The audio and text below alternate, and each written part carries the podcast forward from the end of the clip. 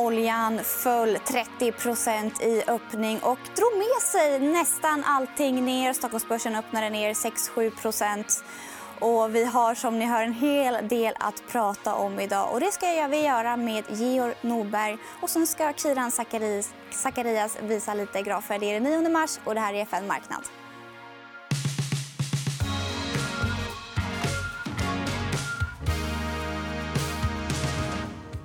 Ja, Kiran Zakaria, vad händer egentligen på oljemarknaden? Ner 30 ja, Vilken dramatisk start på veckan. Eh, eller slut på veckan om man var uppe sent igår. Vi såg ju kraftiga oljeprisfall efter det att då OPEC plus, egentligen samarbetet mellan OPEC och Ryssland, visade sig imploderat. Mm. Och Saudi, det var Ryssland som sa nej till de här produktionsneddragningarna som man diskuterade under förra veckan. Och då svarade sen Saudi med att man kommer att gå ut och höja produktionen istället för att sänka produktionen som var tänkt att man skulle komma överens om. Mm. Och det här kommer ju i ett läge där coronaviruset redan dämpar efterfrågan där ute. Så att vi har redan ett för högt utbud i dagsläget. Och på det nu så ska Saudi då gasa. Eh, och dessutom så kommer man införa rabatter till Europa. till exempel. Också Varför gör man så? Varför gjorde de så här? Ja, men det har att göra med då responsen att man vill inte bli mobbad utan man vill befästa sin dominans. skulle man kunna säga. Om vi tittar, här är då utvecklingen på oljemarknaden. Vi ser en ganska lång tidsserie här. men Det är bara för att visa att fallet som vi såg här som var initialt ner till 30% Vi får gå tillbaka till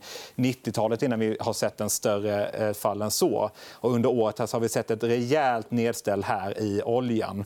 Går vi framåt på nästa graf här så ser vi produktionen. Och det här är en viktig graf. Vi ser att USA har seglat upp och blivit världens största producent av olja på bekostnad av att vi har sett en lite avstannande trend här både i Saudi och i Ryssland.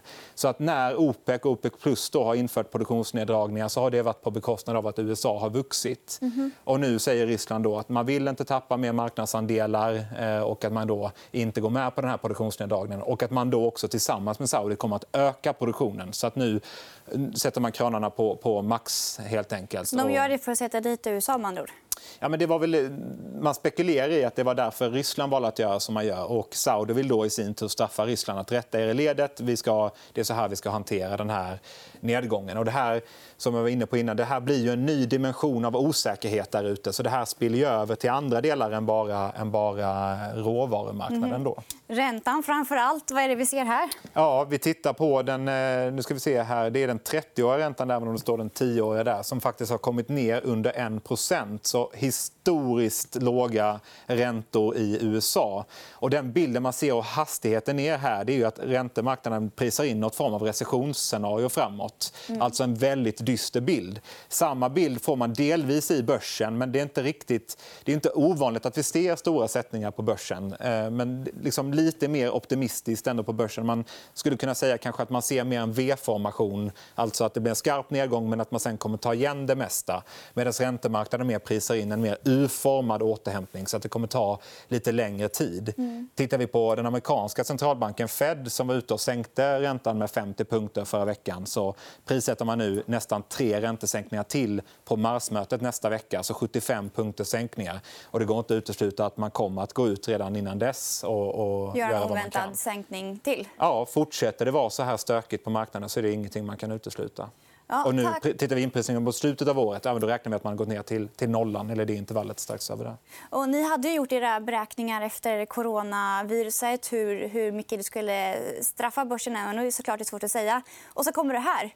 Kan man säga någonting om ja, men, alltså, om man tittar i skolboken så tänker man när oljepriset faller att det ska ge en efterfrågestimulans. Så att realekonomiskt så ska det vara positivt. Men sen så kommer det en annan dimension på det och det är ju den här osäkerheten på finansiella marknader. Och även om de hushållen har kanske lite mer pengar att spendera så gör det, när det skakar ordentligt på finansiella marknader att man är orolig så man kanske ändå väljer att, att avstå från den här konsumtionen. Så att nettoeffekterna av det här prisfallet är ofta då blir negativt och att man kanske underskattar Eh, de, de negativa konsekvenserna. Mm, tack så mycket, Kiran Zakaria. Och jag känner att jag behöver prata med en som har varit med om börsfall förut.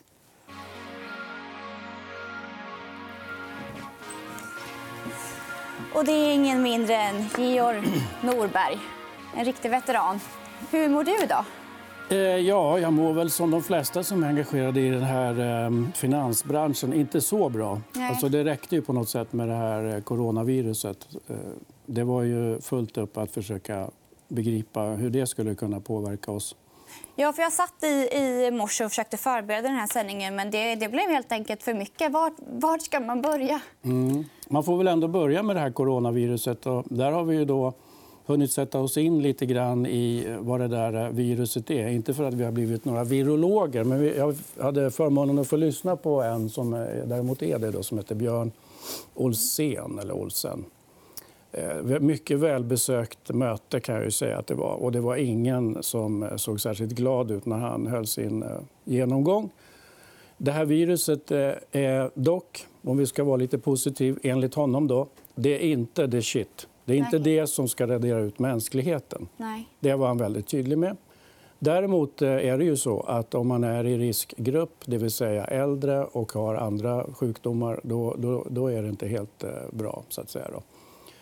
Eh, så att det var väl en sak han berättade. Han eh, tyckte väl inte heller att den eh, information som har kommit från det här folk, Folkhälsodepartementet det heter, med den här Anders Tegnell då, som brukar vara med i Aktuellt.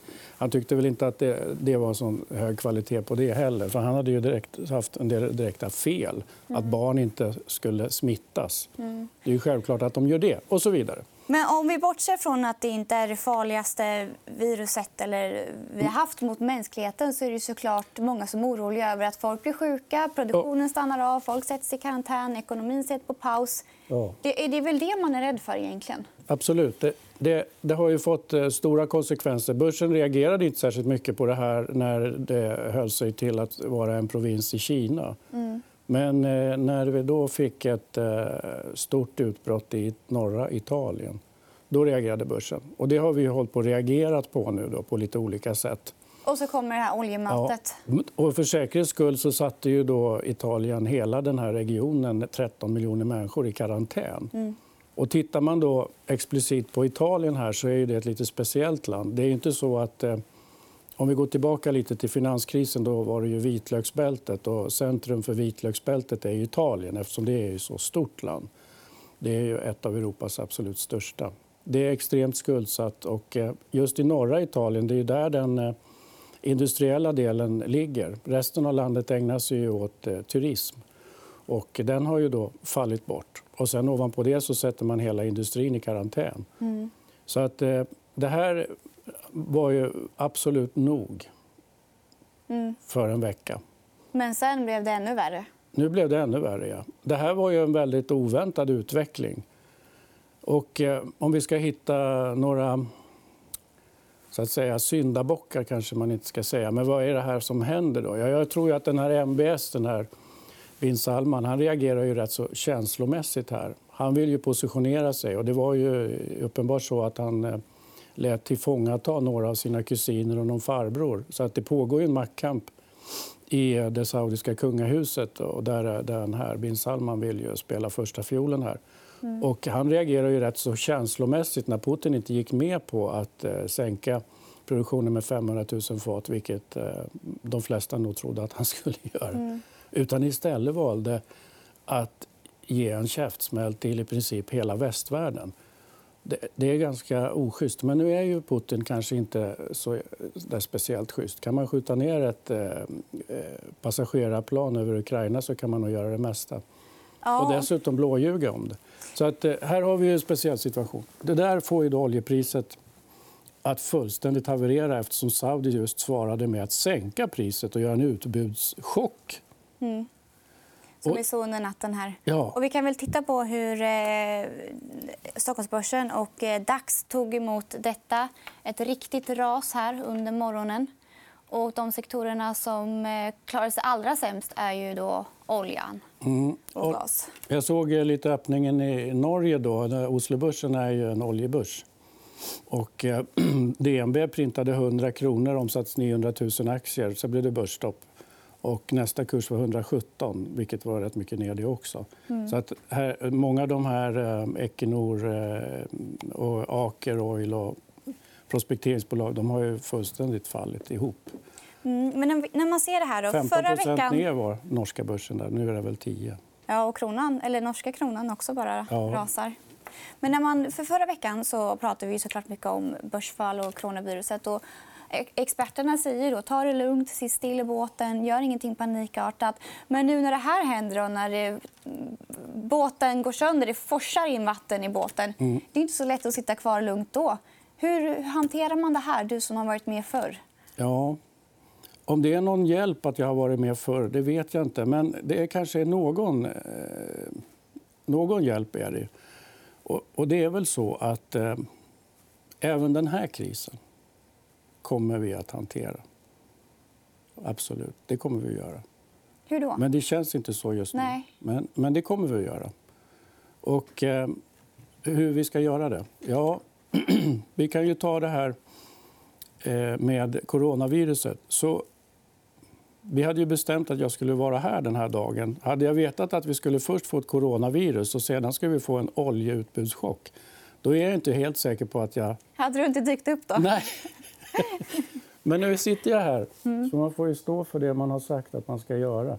Men, men eh, coronaviruset, det finns ju faktiskt någon liten positiv detalj här.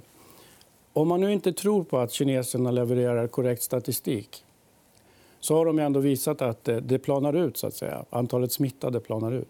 Men Sydkorea har ju också någon slags liknande situation. Att antalet smittade planar ut, så att säga. Det ökar inte i den takt som det gjorde initialt. Eh, Så ser det inte ut i Italien. Där eh, har vi fått eh, höga siffror här nu i helgen. Både på antal insjuknade och antal döda. Då. Så man ska vänta ut det?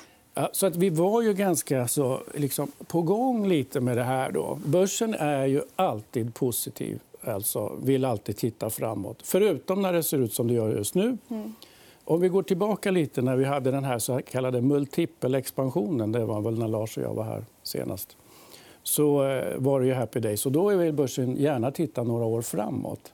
Men när det ser ut som det gör just nu, då tittar vi två veckor tillbaka och säger oh, vad läskigt det är. Nu kommer det bara bli värre.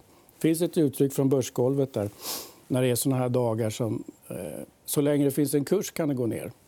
Inte så upplyftande. Men eh, alla såna här händelser historiskt som jag har varit med om har ju så småningom rätt ut sig och resulterat i att vi har återfått eh, modet och börjat handla upp aktier igen. Det kommer... Men fallet idag då? Hur likt är det 2008? Är vi där? Nej, men det som är lite läskigt med det här det är ju att vi kan få skuldkrisen 2.0. Okej. Och nu är det Italien. Då. Som jag nämnde, då, deras eh, land är ju rätt så bräckligt. Eh, det var vi fick se 26 april, eh, juli 2012, alltså några år efter finanskrisen, när det liksom inte ville sig riktigt. Va? Vi fick ju ingen ordning på det. Det var då Mario Draghi gick ut och sa I will do whatever it takes på sin maffia-engelska. Och det fick ju faktiskt börsen att repa nytt mod och vi kom tillbaka till någonting. Vi har hållit på med den här sega återhämtningen sedan dess. Och frågan är väl om det egentligen är någon större återhämtning. Men vi har ju muddling through. Så har det sett ut. Skulle vi nu få, på grund av coronaviruset i kombination med en eh, fullständig kollaps i oljesektorn eh, något slags problem kring Italien, som redan har eh, rätt så usla siffror då förväntar mig att få se Lagarde, Christine Lagarde att eh, komma ut och kanske med lite fransk brytning då, säga att vi kommer att eh, göra vad vi kan för att eh, hjälpa Italien. Man har ju hjälpt Italien. ECB har ju hjälpt Italien. De låga räntor som, som eh, Italien har haft det är ju inte på grund av att eh, deras ekonomi ser särskilt bra ut. utan Men det beror nu på finns, ECB. inte, nu finns inte Storbritannien kvar och kan hjälpa till. Nej, Kommer det, bli problem? Ja, det är det ju. Storbritannien har ju haft eh, en, en stor vikt i, i eh, EU och de är ju på väg ut nu. Så att eh, nu saknar vi ju deras mod och courage i såna här kriser. Vad också eh, Storbritannien har kunnat göra historiskt det är ju att stå upp mot ryssarna, eller mot Putin. Då ska vi säga. Vi ska inte blanda in folket, för de har nog inte något med det här att göra egentligen. Utan det är nog oligarkerna i Kreml, eller kleptokraterna som de också kallas för. Så det, allting det låter ju väldigt dystert. Jag vet inte om det har med ditt dystra tonläge att göra. Eller? Ja, alltså det är ju inte så jäkla... Kan vi hitta någonting positivt? Finns det... det... några vinnare här? Vi såg ju att de flesta sektorerna går ner på Stockholmsbörsen. Ja. Men finns det någonting positivt? Ja, det finns ju alltid någonting positivt. Och, eh, eh, det som var lite svagt positivt det var väl då att det sydkoreanska smittade gick, eh, planade ut lite. Det var väl vad jag hade tänkt. Hoppas få nöja mig med att konstatera. har, vi, har vi inga sektorer då på Stockholmsbörsen som du tror kommer klara sig ja. mindre värre än de andra? Ja, det, det... Eller är alla förlorare? Jag tror att de som säljer sina aktier i panik köper nog inte Ica för att gömma sig i Ica-affären. Det är nog ingen vidare bra idé heller. Därför relativt sett kommer den bli ännu mycket dyrare. Den har ju alltid varit för dyr och nu blir den ju relativt sett för dyr igen. Så säljer man sina aktier i panik så hamnar de nog förmodligen i kassalådan. Och så tänker man att när jag blir modig igen så ska jag gå in på börsen. Så att det, det ackumuleras ju upp pengar på sidlinjen. Det som är svagt positivt men mycket svagt, då, som Zacharias också nämnde här, det är att ett lågt oljepris har en viss stimulativ effekt. Mm. Men den är ju väldigt avtagande eftersom vi har ju ställt om så mycket. I Sverige är det ju ytterst lite diesel vi använder och den går ju huvudsakligen till transportindustrin. Vi, har ju, vi, har, vi bränner ju inte olja längre på det viset. Vissa mm. länder gör det, Kina gör det. Svagt positivt skulle också kunna vara att det här skulle kanske kunna rensa ut de riktiga bottennappen i, i, i världen. Jag tänker då på Venezuela och Iran. Venezuela borde väl lyset släckas för gott nu. Mm. Och Iran kanske det iranska folket äntligen kan resa sig. Nu råkar de i och för sig ha coronavirus. Då, men eh, det är ju bara 30% som stöder de där mullorna. Där, så. Och du och jag skulle kunna sitta här hur länge som helst och ja. prata om det här. Men vi ska avrunda. Men innan ja. det, vad är det vi ser här bakom oss? Jo, det här var ju förra veckan. då. Fredags morse så tog jag den här bilden för att jag ville försöka muntra upp eh, ja, de som är intresserade med att solen går upp även imorgon. Och det här var en väldigt fin soluppgång i fredags morse. Men det var ju dock då innan bin Salman eh, gjorde en utbudschock i oljepriset eller i oljeutbudet. Men förmodligen kommer solen gå upp solen även imorgon. Kommer gå upp imorgon. Jag kan inte svara på hur lång tid vi ska ta på oss för att genomlida det här.